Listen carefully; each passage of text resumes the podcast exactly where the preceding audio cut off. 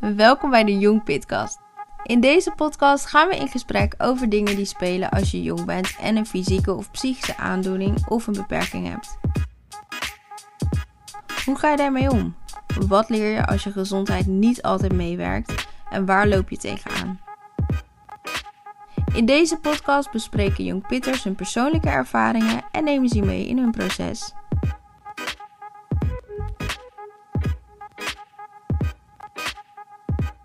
Vandaag gaan we het hebben over de transitie in de zorg.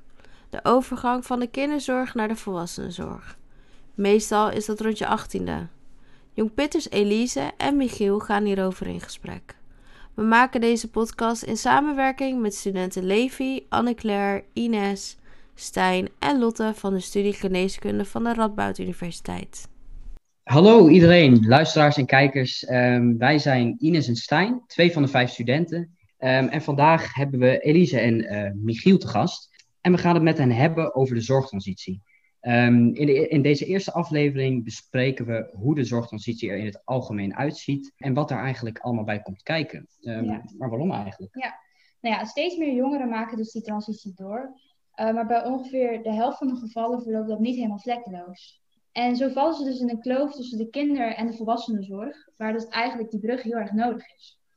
Um, en hoe dat precies zit, daar komen we zo meteen nog op. Ja, klopt. Verschillende wetenschappelijke verenigingen um, en zorgorganisaties uh, zijn zich ook terdege bewust van dit probleem. En deze podcast is eigenlijk bedoeld om de informatie die in die standaard beschreven staat te verhelderen. Um, dit doen we dus niet alleen, uh, maar samen met anderen die hun ervaring rondom die hele zorgtransitie willen delen met ons. Um, en vandaag zitten we hier dus virtueel aan tafel met Elise en Michiel, uh, die allebei die zorgtransitie al hebben meegemaakt. Ik denk dat het handig is om te beginnen dat jullie jezelf even voorstellen. Uh, Michiel, zou jij daarmee willen beginnen?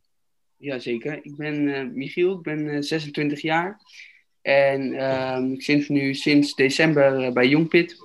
Um, ja. Ik heb zelf een aangeboren hartafwijking en diabetes, dus vandaar dat ik hierbij aanwezig ben. En inderdaad, hè, via Jongpit zijn we ook uh, met jullie in contact gekomen. Uh, dus dat is ook uh, een super mooie kans voor ons geweest. Elise, zou jij ook kort wat over jezelf kunnen vertellen? Ja, mijn naam is Elise en ik ben 24 jaar. En op het moment loop ik kooschappen in het VUMC. En ik ben sinds eind 2018 betrokken bij Jongpit. Elise en Michiel hebben dus die zorgtransitie al doorgemaakt wat we straks nog wel gaan horen, uh, is dat zij helaas ook behoren tot een groep bij wie dat niet helemaal vlekkeloos is verlopen. Maar ja, Stijn, wat gaat er dan bijvoorbeeld mis? Ja, dat, ja, je zou misschien denken dat dat eenvoudig is, maar er gaan toch nog, kunnen best wel veel wat dingetjes misgaan. Normaal gesproken is het zo dat je vanaf je 18e levensjaar uh, niet meer door een kinderarts uh, wordt behandeld, maar door een arts van de volwassenenzorg. Na, de, na die overstap naar de volwassenenzorg komen die jongeren soms dus zonder goede voorbereiding in een totaal andere omgeving terecht. Protocollen zijn anders, de structuur van het consult is anders. En er wordt dan verwacht van de jongeren dat hij of zij zelfstandig en volwassen bijvoorbeeld zelfs afspraken gaat maken en die vervolgens ook nakomt. En dit zorgt toch vaak voor een verminderde vertrouwensband tussen arts en patiënt. Dat kan zelfs ten koste gaan van de therapietrouwheid, uh, wat soms zelfs zo ver gaat dat de behandelingen moeten worden uitgesteld of dat het contact met de zorg heel verloren gaat. En dat is natuurlijk uh, niet wat je wil, want die zorg is heel erg van belang. Zeker, ja. En om deze problemen nou te voorkomen en de zorg rondom de transitie te verbeteren, uh, wordt er gewerkt aan een kwaliteitsstandaard. En die standaard is dus bedoeld voor een brede groep jongeren die chronisch lichamelijk of geestelijk een gezondheidsprobleem hebben tussen de transitieleeftijd van 12 tot 25 jaar. Nou, dit houdt in dat er een algemene nationale richtlijn um, wordt opgesteld die voorwaarden stelt aan een goede transitie van kinder naar volwassenenzorg. En veel jongeren zijn zoals gezegd op hun achttiende nog niet klaar om die overstap te maken. En dat zorgt er dus voor dat er ook heel veel problemen bij komen. Uh, je, kan, je zou dan denken, waarom schuiven ze die leeftijd nou niet op naar later? En dat je bijvoorbeeld pas op je twintigste die overstap maakt. Dat is inderdaad die vraag die wij ook hadden. Elise, daarbij een vraag aan jou. Um, we hebben natuurlijk al eerder met elkaar even gesproken. En jij hebt inhoudelijk meegewerkt aan die kwaliteitsstandaard. Uh, zou je hier wat meer over kunnen vertellen? Uh, ja, bij mij uh, ja, is die transitie van kinderarts naar internist niet echt goed verlopen. En dat was niet alleen bij mij het geval, ehm, maar het hoor ik ook veel terug van andere jongeren.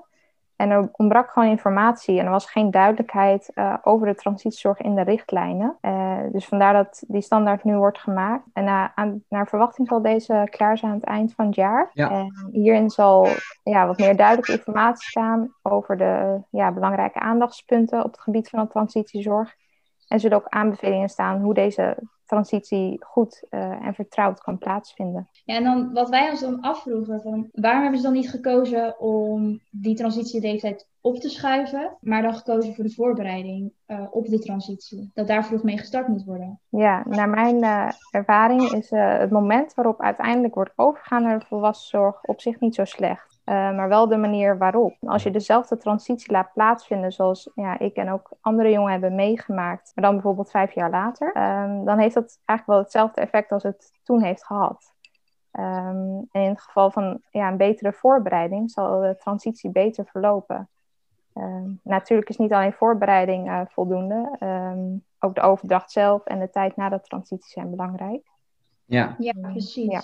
Ja, Dus, ja. dus wat je zou kunnen zeggen is dat als je die, die transitieleeftijd verlaat, zeg maar, dat je dus die op 20 of 21 zet, dan, um, en je laat vervolgens de voorbereiding hetzelfde, dan verschuif je eigenlijk het probleem, als ik het goed begrijp. Ja, ja, Ja.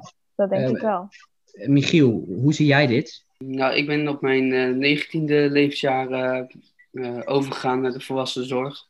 Omdat ik eh, destijds zo vertrouwd was met het team eh, van de kinderzorg dat ik, eh, ja, dat ik daar nog niet aan toe was. En ik vind dat je die keuze aan het kind moet laten, van de jongeren moet laten. Maar ik Mhm. denk inderdaad, wat Elise ook zegt, dat het wel goed is om die leeftijdsgrens niet te veel op te schuiven. Omdat je dan je ook niet meer echt kind voelt, zou ik maar zeggen. Precies. Nee, ja, helemaal duidelijk. Ja. Ja. Ja, en die voorwaarden die in de kwaliteitsstandaard staan, die zijn dus met name gericht op de voorbereiding, daar hebben we het al over gehad, en over de overdracht en ook de periode na eh, de overstap. En dan is er dus echt sprake van een traject en niet zomaar een abrupte overgang. En in die standaard worden dus ook eh, onderscheid gemaakt over verschillende onderwerpen van eh, de transitiezorg. En dat wordt dus geschreven in eh, ja, vijf modules wordt het behandeld. Ja. En in deze podcastaflevering willen we dus focussen op de eerste module, die dus eh, een algemeen beeld schetst van de transitiezorg. Ja, Ja. en dat kunnen wij heel goed vertellen natuurlijk, hoe dat, er, Zeker. hoe dat er allemaal uitziet. Maar dat kan nooit zo goed als eh, daadwerkelijk eh, mensen die dit hebben meegemaakt. Michiel, we hadden het er net kort even over, je was 19. Kan jij verder nog iets meer vertellen over hoe die zorgtransitie er daadwerkelijk uitzag bij jou? Ja, zeker. Eh, ja, ik was inderdaad 19 ehm, en ik, ehm, nou ja, ik heb best wel wat ingrepen gehad eh, op eh, cardiologisch gebied. Ehm, dus ik, nou ja, ik was als kind natuurlijk veel in het ziekenhuis en ook veel onder behandeling, eh, veel opnames gehad. Eh, wat ik al zei, ik ken het, zowat het hele team eh, aan cardiologen en, en artsen. Dus dat was best wel gek om, om dan in één keer weg te gaan. En mijn overstap was eigenlijk best wel plotseling, niet echt getimed, zal ik maar zeggen. Nee. Ehm, waardoor het nou ja, misschien wel anders had gekund. Maar ja, op dat moment ja, heb je zoiets van, nou ja, ik laat het maar gebeuren. Ehm, maar ja, uiteindelijk denk je ook wel van, nou ja, dit, dit had wel echt anders gemoeten. Want ja, het was niet zoals ik had gewild. Dus vandaar, eh, ja, dat is, ik vind dat wel belangrijk dat, eh, dat, dat er dus keuzevrijheid is, maar dat er ook eh, goed gekeken wordt, zowel naar de overdracht aan het kind, of aan de jongeren, maar ook bijvoorbeeld de ouders. Die hebben daar ook een belangrijke rol in.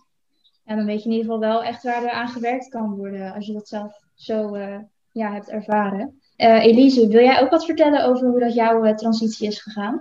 Ik herken wel bij Michiel dat het heel erg plotseling is. Bij mij is de zorgtransitie wel echt abrupt en niet prettig verlopen. Ehm, vanaf dat ik 13 jaar ben, heb ik gezondheidsproblemen. En ik moest in die tijd vaak naar het ziekenhuis. Ik was onder behandeling eh, bij een kinderarts en een kinderchirurg. En zij hebben mij in die tijd echt heel erg goed geholpen. Een maand voordat ik 18 jaar werd, moest ik een grote buikoperatie ondergaan. En kort na mijn verjaardag eh, werd ik opnieuw opgenomen. Uh, ik mocht toen nog op de kinderafdeling liggen, ondanks dat ik net 18 was geworden. In totaal lag ik toen ongeveer een maand in het ziekenhuis. En na even thuis te zijn geweest, moest ik opnieuw worden opgenomen. Maar dit keer mocht dat niet uh, op de kinderafdeling. Uh, dat was vanwege regels rondom vergoeding van de opname. Ja. En ik kwam toen op de volwassen afdeling, waar ik echt ja, helemaal geen artsen kende. En zij kenden mij niet. Nee. Geen overdracht geweest naar een nieuwe arts. En de artsen van de kinderafdeling, ja, in wie ik zoveel vertrouwen had, uh, zij mochten niet meer betrokken zijn bij de zorg tijdens die opname. En ik kreeg gewoon het gevoel dat totaal niet naar mij werd geluisterd uh, op de volwassen afdeling. En ik kreeg zelfs de verkeerde medicatie, omdat de artsen niet wisten uh, dat ik bepaalde medicatie niet mocht hebben. En Ja. al met al ging die opname wel gepaard met ja, veel emoties. Angst, boosheid, eh, verdriet. Ja. Ja, heftig hoor, om dat zo te horen. Ja, Ja. dus wat je eigenlijk zelf zegt, het, het, het, het is eigenlijk bijna helemaal geen eh, overgang te noemen. Nee, Het, nee het was gewoon ineens. echt heel abrupt. eh, ja. Ja. Ja. dat is natuurlijk, dat verschilt, eh, hè, deze twee eh, praktijkverhalen, zeg maar, eh, die, dat verschilt natuurlijk ontzettend vanaf van de ideale transitie die in die kwaliteitsstandaard beschreven staat. Ehm, en zoals jullie zelf eigenlijk ook al heel duidelijk aankaarten, is daarbij een, een, een hele belangrijke rol weggelegd voor zorginstellingen. Elise, je hebt, en dat is me uit het, uit het eerdere gesprek dat wij hadden ook heel mooi duidelijk geworden, dat jij een ontzettend goede band had met, met jouw kinderarts en, en hoe belangrijk dat voor jou is geweest. Ja, Ehm, klopt. En het zijn natuurlijk ook de artsen en de zorginstellingen die eh, die, die soepele transitie mogelijk maken. Ehm, door een transitiebeleid te ontwikkelen, waarbij er dus al vanaf een vroeg moment in die kinderzorg eh, wordt toegewerkt naar een daadwerkelijke transitie van zorg. En niet zoals eh, bij jou bijvoorbeeld, Elise, een, een hele abrupte overgang. Ja, precies. Ja, want er zijn natuurlijk ook heel veel mensen actief betrokken bij zo'n proces. Ehm, nou ja, de jongeren zelf. Maar ook eh, de ouders of de zorgers, zoals eh, Michiel net ook al zei. Ehm, en inderdaad ook echt die zorgverleners. Dan willen we nu eh, verder gaan met een ander onderwerp. Ja, en dat is de dubbele transitie. En dat zal jullie niet onbekend zijn, Michiel en Elise. Ehm, ik zal het nog even uitleggen wat daar precies mee wordt bedoeld. Eigenlijk eh, is een dubbele transitie, dat betreft een, een, een dubbel proces van eh, veranderingen die je als patiënt en als jongere, als kind beleeft. Je maakt aan de ene kant een transitie mee in, die zorg, dus hè, van kinderzorg naar volwassenenzorg. Eh, maar ook daarbuiten maak je een transitie door. Vanaf je 18e verjaardag ben je ineens niet meer welkom op de kinderafdeling. Er zijn een paar uitzonderingen daar gelaten dat, je, dat dat nog wel geregeld kan worden. Maar dat is in principe wat er in de richtlijnen staat natuurlijk. En je moet bijvoorbeeld zelf van alles regelen. Je moet zelf eh, afspraken maken en die vervolgens ook nakomen. Dus er komt best wel veel verantwoordelijkheid op je te liggen als je eenmaal 18 bent. Daarnaast moet je ook eh, allemaal andere dingen regelen, zoals je zorgverzekering, zorgtoeslag, eh, studiefinanciering. Ehm, en je maakt natuurlijk nog een persoonlijke groei als, eh, naar volwassenheid door in die puberteit, waar er ook van alles eh, sociaal en lichamelijk verandert, wat je ook zou kunnen zien als een transitie. Dus aan de andere kant, de stap naar volwassenheid is al een tra- transitie op zich. En aan de andere kant, de stap van kinder naar volwassenenzorg. Dus in die zin zouden we kunnen spreken van een, van een dubbele transitie. Elise Michiel, hoe was die dubbele transitie voor jullie? Hoe hebben jullie dat ervaren? Nou, ik herken het wel eh, ja, heel erg. Ehm, dat je inderdaad die transitie hebt van de kind naar de volwassenzorg. Maar ook dat je gewoon een, eh, van een kind naar een volwassene gaat. En op dat moment eh, verandert er heel veel in je leven. Denk aan het gaan studeren en het uit huis gaan. En ik merkte toen, en ja, nu eigenlijk nog wel steeds, eh, dat hebben van gezondheidsproblemen in die periode gepaard gaat met vele vragen. Hoe gaat studeren met gezondheidsproblemen? Kan ik alcohol drinken of heeft dat een effect op medicatie? Kan ik op reis gaan? Welke voorbereiding moet ik dan treffen? En met deze vragen wil je terecht kunnen bij een arts eh, die je kent en in wie je vertrouwen hebt. Ja, Ja, dat kan ik me voorstellen. Want ik denk, wij, als, wij zijn ook nu eerstejaars student.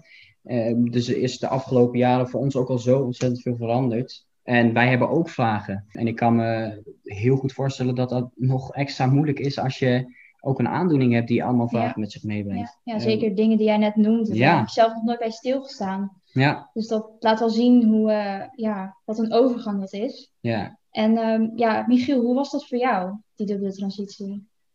Ja, dat, die transitie op zich was natuurlijk eh, best wel pittig. Ook omdat je in een ziekenhuis, een groter ziekenhuis komt en waar eh, je ouders ineens niet meer eh, bij je mogen zijn. Eh, op sommige momenten dat je ze liever nog wel eh, bij je hebt. Of je hebt een bepaalde verantwoordelijkheid die je met je meedraagt, ineens.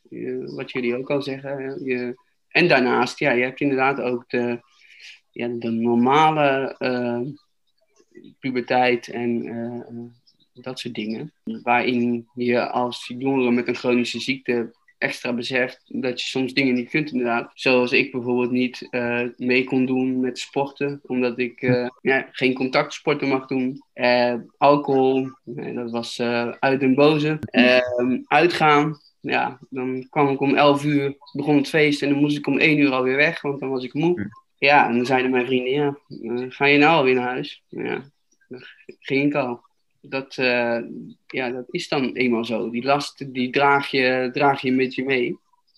Mm. Um, maar ik had uh, zelf op latere leeftijd pas uh, nee, echt het besef van ja, wat is hier nu allemaal eigenlijk gebeurd. En eigenlijk, zal, eigenlijk pas sinds de coronatijd. En heb daarbij ook wel nou hulp ingeschakeld van een psycholoog. Dus dat is wel echt nodig geweest. Dat, ja. Ja, en, ja. ja, dat kan ik me voorstellen. En je zegt hulp die je nodig hebt gehad. Waar moet ik dan aan denken? Is dat dat stukje acceptatie of wat was dat precies voor jou? Uh, dat is een stukje acceptatie inderdaad. Accepteren dat je al die onzekerheden hebt. En um, nou ja, ook de ervaringen uit het ziekenhuis. Uh, ja, die moet je met hulp in mijn geval uh, verwerken. Ja. En dat, heeft, dat kost tijd en dat kost energie. Maar het is wel nodig. Dan heb ik ook nog een vraag aan jullie. Als je er nu zo op terugkijkt, hè, ehm, die dubbele transitie. Hebben jullie dan ook het gevoel dat je toen de tijd ook volwassen genoeg was om die overstap te maken? Mm, nee, ik eigenlijk uh, niet. Uh, omdat er juist zo weinig voorbereiding was. Um, je was eigenlijk nog helemaal niet zelfstandig. Nee. Uh, en er wordt je heel veel uit handen genomen bij de kinderarts. Door zowel de kinderarts zelf als door je ouders. Um, Dus je wordt eigenlijk niet volwassen genoeg voor die overgang. Ja, ja duidelijk. Ja. ja. ja. En, en uh, Michiel, jij had, benoemde je ouders ook al even. Um, hoe belangrijk was dat voor jou, uh, zeker voor je 18e en 19e? Hoe, hoe belangrijk waren, was het voor jou dat je ouders erbij waren, bijvoorbeeld?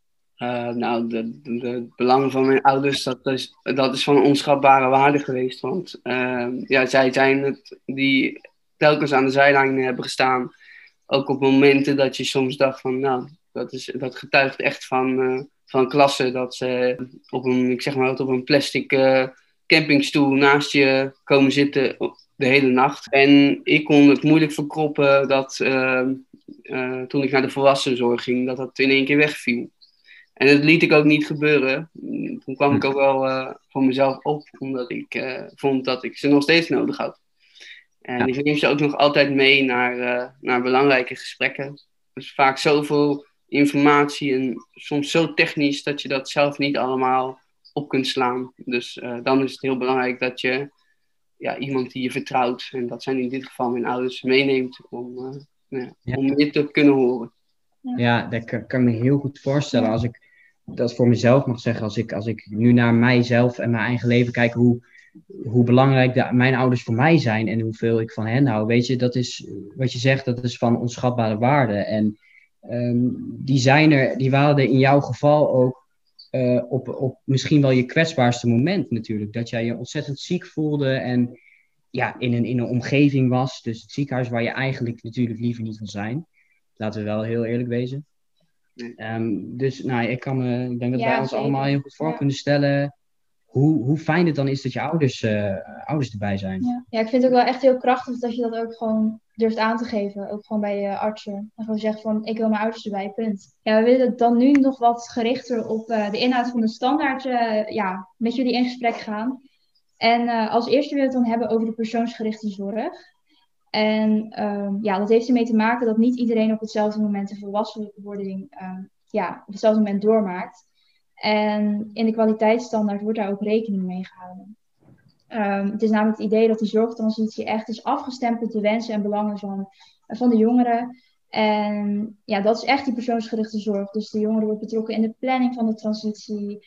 Uh, en ja, hebben ook heel veel te zeggen over hoe dat, dat dan moet gaan. Tenminste, dat is wel de wens. Mhm. En um, ja, dus dan is de transitie wel afhankelijk van de sociale en uh, persoonlijke omstandigheden en de algemene ontwikkeling toekomstwensen en ook de gezondheid van de Ja, en ehm, in een eerder gesprek werd wel duidelijk, Michiel, dat jij ja, toen ook hebt moeten wachten met je transitie, uh, omdat het niet zo goed ging. Zou je daar misschien wat meer over willen vertellen?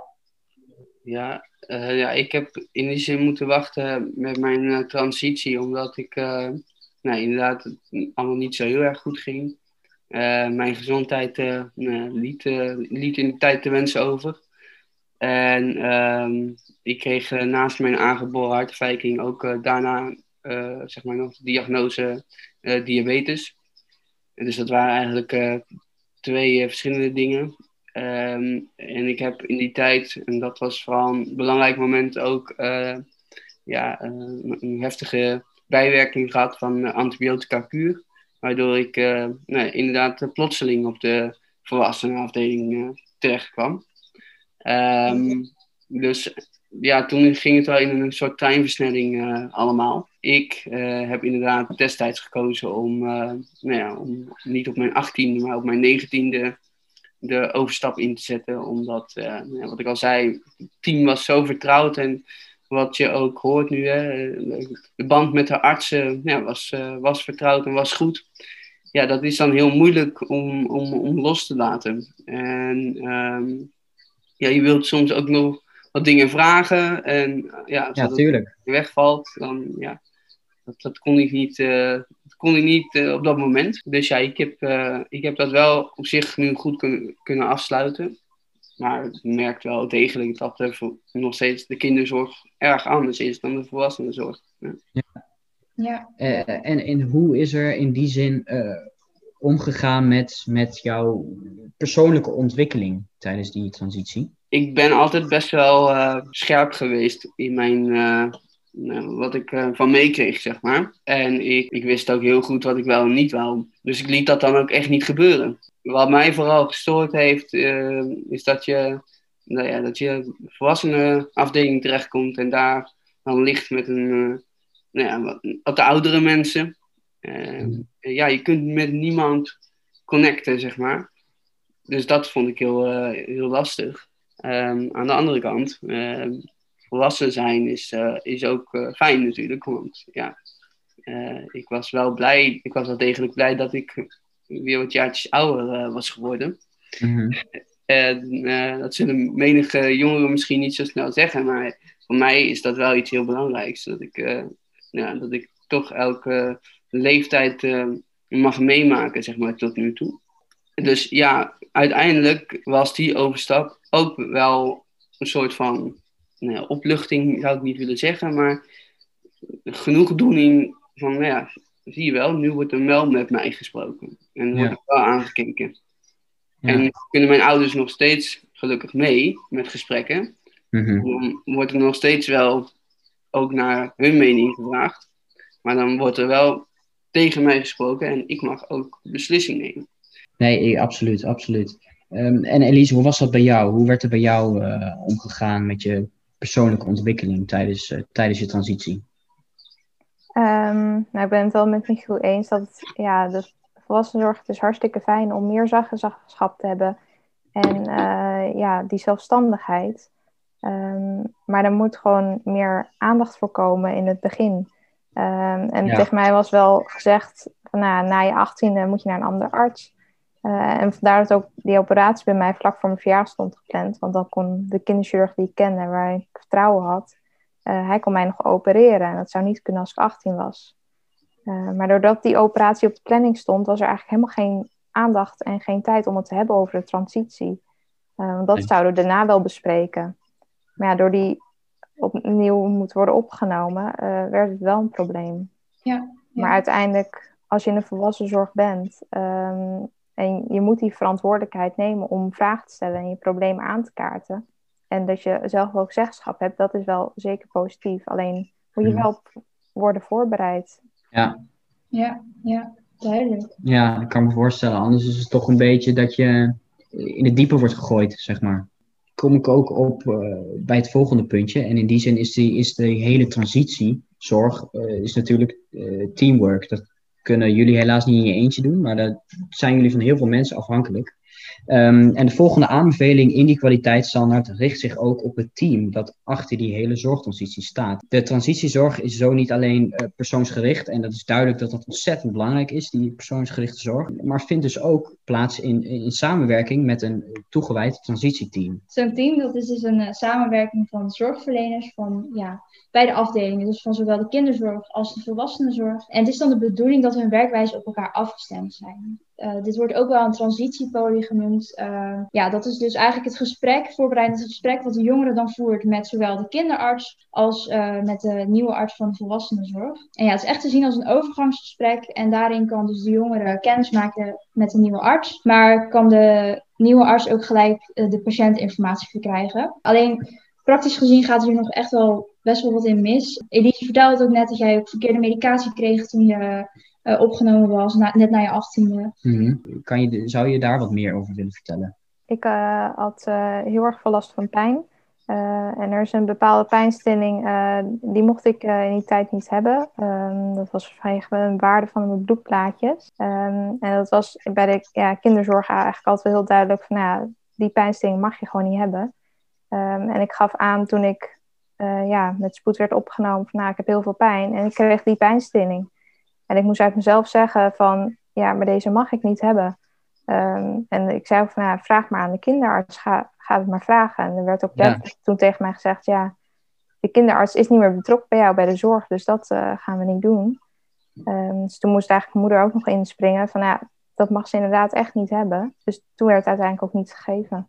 Ja. Oh, wat apart dan zeggen. Dat... Ja, heel bijzonder. Ja. Iets wat zo, wat zo op het oog zo simpel lijkt, toch? En zeker als, als, als jij als patiënt dat aangeeft, dat daar toch, nou ja, moeilijk over gedaan wordt, als ik ja. het zo even mag zeggen. Ja. Heel, heel apart inderdaad. Ja. Um, en niet alleen praktisch gezien zou die nieuwe aanpak uh, problemen kunnen verhelpen, maar ook op het gebied van het opbouwen van die vertrouwensband tussen jullie als patiënt uh, en alle patiënten natuurlijk thuis uh, en hun arts dat is ontzettend belangrijk. En het is dan ook belangrijk dat er uh, eigenlijk een soort transitiegesprek plaatsvindt. Hè? Dat je kennis kan maken en dat je daardoor ook die vertrouwensband op kan bouwen. Michiel, hoe, hoe belangrijk is, is zo'n vertrouwensband volgens jou? Ik denk dat zo'n vertrouwensband ontzettend belangrijk is. Um, en vooral als je, als je voor je kleine teen komt, dan is het misschien niet zo heel belangrijk. Maar als je nee. voor, uh, hè, voor een probleem in je hart komt, of diabetes bijvoorbeeld, dat zijn levenslange dingen die je met je meedraagt. Uh, dan, zijn, dan is dat heel belangrijk. En een arts neemt uiteindelijk de verantwoording en neemt ook uiteindelijk uh, de beslissing. En daarom vind ik het echt wel schijnend om te horen wat Elise net, uh, net vertelde over die medicatie. Dat je gaat ervan uit dat de beslissing die zij nemen, dat ze die ook op een juiste manier nemen. En dat ze daarbij ook inderdaad kijken naar jouw voorgeschiedenis, hè, naar jouw dossier. Ik merk dat ook zelf in, het, in de volwassenzorg zijn zo vaak wisselingen qua artsen. Uh, ik heb een mooi voorbeeld. In de coronatijd uh, ging mijn cardioloog met pensioen. Maar ik moest er zelf achter komen dat uh, de beste man met pensioen ging. En dan moet je maar weer opnieuw beginnen met een nieuwe arts. Waaraan je alles ja. nieuw moet vertellen. Ik merk dat dat hier uh, op de, in de volwassenenzorg, ja, dat dat uh, een beetje lopende bandwerk is. De een komt en de Ja. ander gaat. Mooi wat je zegt, lopende bandwerk. En dat zie je bijvoorbeeld natuurlijk ook terug in, in, de, in de mindere tijd die er beschikbaar is voor een consult bijvoorbeeld. Hè. Het is toch allemaal wat strakker en zo. En in die zin, je noemde het net al even, de, de- dat de beste man met pensioen ging. De zorgverleners zijn natuurlijk niet eh, de enige verandering die plaatsvinden naar zo'n eh, transitie. Dit ligt veel breder. En ook dat kan weer in de, in de meest praktische dingen, misschien stomme, stomste of kleinste dingen op het eerste oog eh, zitten. Eh, maar zo bijvoorbeeld de, de, de kinderafdeling, die verschilt op heel veel manieren van de volwassenenzorg. Eh, de locatie is anders. Hij zit op een andere plek in het ziekenhuis. Het is echt een aparte afdeling. Ehm, en omdat de jongeren hier vaak lange tijd toch in zorg zijn geweest, weten ze precies waar ze naartoe moeten als ze naar de kinderafdeling gaan. Dat zullen jullie ongetwijfeld herkennen. Wanneer je dan opeens naar een totaal ander gedeelte van het ziekenhuis moet, eh, dan kan het even tijd kosten om, om daar wegwijs te worden en je ook eh, vertrouwd te voelen, kan ik me zo voorstellen. Herkennen jullie dat? Ja, ja, bij mij was het zelfs eh, uiteindelijk een ander ziekenhuis. Oh, ja. Nou, kijk, ja. Ja, een nieuwe internist eh, voor mij werd gevonden in een ander ziekenhuis. Ehm, dus inderdaad, je, je hebt gewoon het team niet meer, je hebt de vertrouwen omgeving niet meer. Ehm, En je moet ja, wegwijs worden in een hele nieuwe omgeving met een nieuw arts. Ja, ja. ja. ja en kunnen jullie nog meer ehm, ja, van die verschillen, verschillen benoemen tussen de kinder- en volwassenenzorg? Die jullie echt uh, hebben ervaren toen die tijd? Nou, ik miste eigenlijk wel um, het stuk het psychosociale aspect. Uh, Waarbij de internist eigenlijk niet zo op werd ingegaan. Uh, ik weet nog heel goed dat bij mijn eerste consult bij de nieuwe internist werd meteen ingegaan op het medisch aspect. En er was helemaal geen kennismaking. De internist stelde zich voor, zei zijn naam en vroeg meteen van, nou, hoe gaat het met je buik? En hoe vaak in de week heb je nog buikpijn? Terwijl hij mij verder nog niet kende. En in die consulten daarna uh, ging hij ook niet in op het psychosociale aspect en dingen waarmee ik zat. En een voorbeeld is dat ik uh, graag een reis uh, wilde gaan maken met een vriendin in Afrika. En dat wilde ik graag met hem bespreken. Überhaupt of het mogelijk was en hoe ik dat zou moeten aanpakken gezien mijn gezondheidsproblemen. Ja. Um, maar daar ging hij niet op in en hij draaide om die vraag heen. En omdat er toen eigenlijk helemaal geen vertrouwen in had uh, en het gevoel dat ik niet met mijn vraag terecht kon, uh, ging ik ook afspraken afzeggen. Omdat ik gevoel dat ik er toch niks mee opschoot. En ik studeer zelf geneeskunde en ik dacht in die tijd van nou, hm. dan kan ik zelf wel een beetje dokteren en ja. controleren van de bloedwaardes en medicatie kan ik wel naar de huisarts. Ja. En dat, uh, ja, het ging een hele tijd goed, tot, tot ik er zelf niet meer uitkwam en toch een nieuwe verwijzing nodig had, omdat het toch wel uit de hand liep. Ja, ja, dit is natuurlijk van een zotte dat jij het gevoel krijgt dat je, dat je het zelf dan maar moet doen. Dat je ja, zelf dokkertje gaat spelen, om het maar even zo te zeggen. Dat is natuurlijk, ja, ik vind dat wel erg om te horen. Ja, dat, je dus echt compleet averechts van ja, wat een dokter zou moeten doen. Ja. Uh, ja. ja. Je vertelde hè, dat je dat, dat je, je, je hebt dus het gevoel gehad dat er minder aandacht was voor alles buiten je aandoeningen. En dat het bijna zakelijk werd, dat hij meteen overging op die, op die buikklachten. En dat er in die zin ook um, minder aandacht is voor misschien de mentale gezondheid. Uh, Michiel, jij hebt het, we hebben het daar net natuurlijk kort al even over gehad, over dat, dat stukje acceptatie bij jou. Zou jij nog iets meer kunnen vertellen over de aandacht voor jouw mentale gezondheid echt tijdens die transitie? Tijdens de transitie um, werd er natuurlijk wel gevraagd wat ik ervan vond dat ik uh, de overstap moest gaan maken. Dat vond ik natuurlijk uh, aan de ene kant prima, wat ik al zei. En aan de andere kant had ik zoiets van, nou ja, weet, het is nieuw. Ja. Maar ook wel weer spannend. Uh, maar er was, niet, er was toen al niet heel erg kijken op het, op het mentale gedeelte, zeg maar. En daar wordt ook inderdaad niet naar gevraagd als je bij de arts komt. Ik heb zelf ook vragen gehad over, nou ja, vooral mijn aandoening, mijn hartafwijking. Ehm, maar de arts zei altijd tegen mij, ja, Giel, het is goed, het is goed nieuws dit keer. Dus we gaan het niet over het over de toekomst hebben. Terwijl ik altijd zoiets heb gehad van ja, maar ik wil wel weten wat er ja. mogelijk is in de toekomst. Maar ik wil ook weten uh, wat u vindt van mijn, ja, van mijn denkwijze over verschillende dingen. Mm -hmm. uh, maar daar ging, ik ging er niet op in. Nou ja, aan de ene kant logisch, aan de andere kant soms verwarrend. Want ik wil toch wel graag antwoord op sommige vragen. Ja, snap ik. Um, en daarnaast is het natuurlijk het grote verschil, wat nou, ik eigenlijk al noemde, uh, is dat je, ja, je moet je houden aan bezoekuren. Ik had nog nooit van bezoekuren gehoord. Ja, voor de visite, nee. maar niet voor mijn ouders. Um, maar dat zijn die dingen. Weet je? Niet mee naar de, naar de OK, niet mee naar de, de uitslaapkamer. Uiteindelijk wel natuurlijk doordat ik dat had gevraagd en daarop aangedrongen had. Nou, als ik dat niet had gedaan, of ik was er niet toe in staat geweest, dan was het niet gebeurd. We hebben dus mede door jullie begrepen um, en we weten daardoor dat, dat dat mentale aspect zo ontzettend belangrijk is. Um, en dat, dat is misschien niet de, de eerste link die je legt als jij last van je buik hebt, wat jij daar verder van, van vindt of bij voelt. Uh, hè? Dat mentale aspect, dat wordt als arts, ja. als arts hè, dat wordt dan misschien in eerste instantie helemaal niet over gesproken. Maar um, wij denken toch, door de verhalen die jullie hebben verteld, dat dat misschien wel onderschat wordt door, door sommige zorgverleners. Ja. En um, nou ja, ik denk wel dat het belangrijk is dat daar meer aandacht Ja. voor, voor komt. Want het is ontzettend belangrijk als ik het, zo- als ik het zo begrijp. Maar ja, als wij dat dan zo benoemen, ehm, Elise, denk je dan dat dat echt aan de zorgverleners zelf ligt? Dat dat eh, niet zo toegelicht wordt? Ehm, nee, ik denk vooral de, de- gewoon de onbekendheid nog. Dat als er ja, meer informatie is, meer duidelijkheid en ja, echt goede aandachtspunten zijn, dat het dan wel een stuk beter kan gaan. Ja, ja precies. Ja. ja. Nee, dus in die zin is er, is er ook geen schuld bij iemand. Er is hier niemand schuldig die, die iets fout heeft gedaan, maar gewoon meer aandacht voor dat mentale aspect creëren, dat zou al zoveel uit kunnen maken, denk ik, voor, voor patiënten zoals jullie. Sluit je je daarbij aan, Michiel?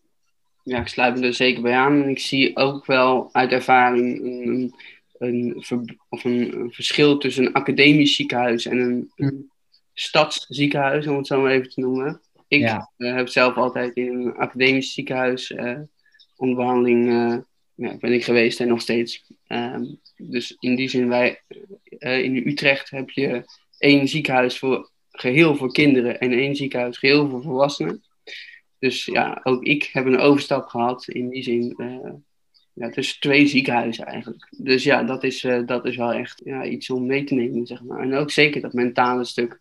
Ja, uh, ja dat heeft daar toch echt wel, is daar toch echt wel van toepassing. Ja, ja ik denk dat dat heel belangrijk is. Ja. En, en dus dat staat ook heel duidelijk in die, in die, in die standaard beschreven. Hè, dat er tijdens de leeftijd rondom die transitie extra aandacht zou moeten zijn voor de mens en het leven van dat mens om die aandoening heen. Eh, we hebben het net al kort gehad over dat mentale aspect. Ehm, maar dat zijn ook dingen als onderwijs, werk, uh, zelfstandig wonen. Hè? Misschien ga, ga, je wel op kamers, sport, vrije tijdsbesteding. Hè? Je, Elise, je noemde net al reizen. Um, en daarbij hoort natuurlijk ook gewoon heel simpelweg gezondheid. Uh, gezondheid en welzijn in de, in de breedste zin van het woord. Hè? Dus denk daarbij ook aan vriendschappen, eh, de relatie met je ouders, eh, relatievorming, ja. Eh, seksualiteit. Dat zit er natuurlijk allemaal in. Ja, ja. ja je moet echt wel de mens zien ja. Ehm, naast de aandoening. Ja. Je blijft ook nog gewoon mens met al je mooie kwaliteiten die je hebt. Ja, jullie hebben natuurlijk wel echt al toegelicht waarom dat dan zo belangrijk is. Dat die aandacht er ook is. Het vergroot ehm, ja, de bekendheid en het begrip. En ja, het zal ook, denk ik, resulteren in betere zorg uiteindelijk. Mm Vul vooral aan of uh, corrigeer me als ik dat niet uh, goed zeg. Maar ja, om uh, jongeren dus ook hiermee te kunnen helpen, is het dus ook heel belangrijk dat het doorverwijzen binnen een gezondheidsinstantie ook goed verloopt. Dus bijvoorbeeld naar een medisch psycholoog of maatschappelijk werker of een bedrijf, bedrijfsarts. Mm um, hebben jullie dat ook ervaren dat daar problemen in zijn, vooralsnog? Ik heb dat niet ervaren in de zin, uh, maar ik ben eigenlijk nooit doorverwezen naar een, vanuit het ziekenhuis naar, uh, ja, naar iets in die trant, zeg maar. Dus ja, daar heb ik geen ervaring mee eigenlijk. En voor jou, Elise? Nee, voor mij geldt hetzelfde. Ik heb uh, daar eigenlijk ook geen ervaring mee. Oké, okay. oké. nee. Nou, dat is dan duidelijk. En um, ja, nou ja, die doorverwijzing voor sommigen lijkt het, wordt, is het misschien wel nodig. Ehm, niet alleen dat is er beschikbaar, maar er zijn er ook tools die uh, de jongeren kunnen helpen om zelfstandiger te worden ehm, en die ook aansluiten op de behoeften van de jongeren. Maar ik denk ook zeker op de ouders of verzorgers of familie of vrienden die er meer over willen weten. Absoluut. En voorbeelden hiervan zijn uh, bijvoorbeeld de Groeiwijzer en ook het transitieprogramma Ready Steady Go wordt uh, als heel positief ervaren. Ja. En, uh, ja, verder is het natuurlijk ook heel goed mogelijk om, om contact te vinden met, met jongeren en, en misschien in die zin lotgenoten. Uh, zoals jullie dat hebben kunnen doen via Stichting Jongpit natuurlijk. Als jullie uh, nu een paar tips zouden kunnen geven of, of adviezen die jullie mee zouden willen geven aan de mensen die luisteren, aan, aan jongeren die misschien nog um, die transitie moeten doormaken. Um, als jullie tips of adviezen hebben. Elise, zou je daar uh, iets over kunnen zeggen? Ja, mijn uh, tip is uh, eigenlijk om ja, durf je vragen te stellen. En dan op eigenlijk verschillende gebieden. Dus zowel over het transitieproces zelf. Daar onduidelijkheid is over is. Dus ja, wanneer gaat het gebeuren? Wie wordt mijn arts? Maar ook neem zelf verantwoordelijkheid ja, bij de kinderzorg en stel vragen. Wees zelfstandig. Uh, tijdens een gesprek, maar ook na de transitie. Uh, ja, durf te vragen over problemen op het gebied van dat psychosociale aspect. En ja, kom bij de arts met ja, eventuele problemen waar je tegenaan loopt. Ja, duidelijk. Ja, heel mooi. Heel praktisch. Ja, ja zeker. En Michiel, heb jij nog een, een goede tip voor onze luisteraars? Ja, zeker. Um, mijn tip, en wat ik ook zelf geleerd heb, is om uh, zoveel mogelijk te proberen om voor jezelf uh, op te komen in het ziekenhuis. Uh, je niet, niet te laten zollen met je. Ja, gewoon beslissingen uit te stellen als dat kan. totdat je er zelf klaar voor bent. En dat geldt eigenlijk ook voor de transitie. Geef aan als je er klaar voor bent. Maar geef ook vooral aan als je er nog niet klaar voor bent. Ik denk dat dat heel belangrijk is. En uh, ja, praten over uh, met je arts, maar ook met mensen om je heen. Over hoe dat voor jou is en wat je ervaart. Ja, ja. Mooi. Ja, dus samenvattend is het eigenlijk gewoon je mannetje staan. zeggen, dit ben ik, dit wil ik. Um, het is mijn behandeling, mijn lijf. Ja. En ook gewoon je gevoel toelaten ja, ik denk dat dat hele mooie tips zijn. En, en, en dus durf te vragen. Hè? Ja, durf, zeker. Durf aan te geven waar jij behoefte aan hebt. Ja, ja, ja. Ja, ik denk dat we hier dan uh, mee willen afsluiten. Heel Ja. mooi dit. Nogmaals heel erg bedankt. Heel erg bedankt. En, eh, Elise en Michiel, het gaat jullie goed. Zeker, ja. En eh, nogmaals heel erg bedankt voor jullie tijd. Leuk dat je hebt geluisterd naar de Young Pitcast, de podcast van Young Pit. Young Pit is de stichting voor en door jongeren met een fysieke of psychische aandoening of beperking. Via onze website youngpit.nl lees je alle informatie die je als jongere nodig hebt en ervaringsverhalen van anderen. Ook zijn we actief op Instagram, Facebook en Twitter. Wil je in contact komen met andere jongeren die dezelfde ervaringen hebben? Word dan lid van onze groep op Facebook, de Young Pit Community. Bedankt voor het luisteren en tot de volgende!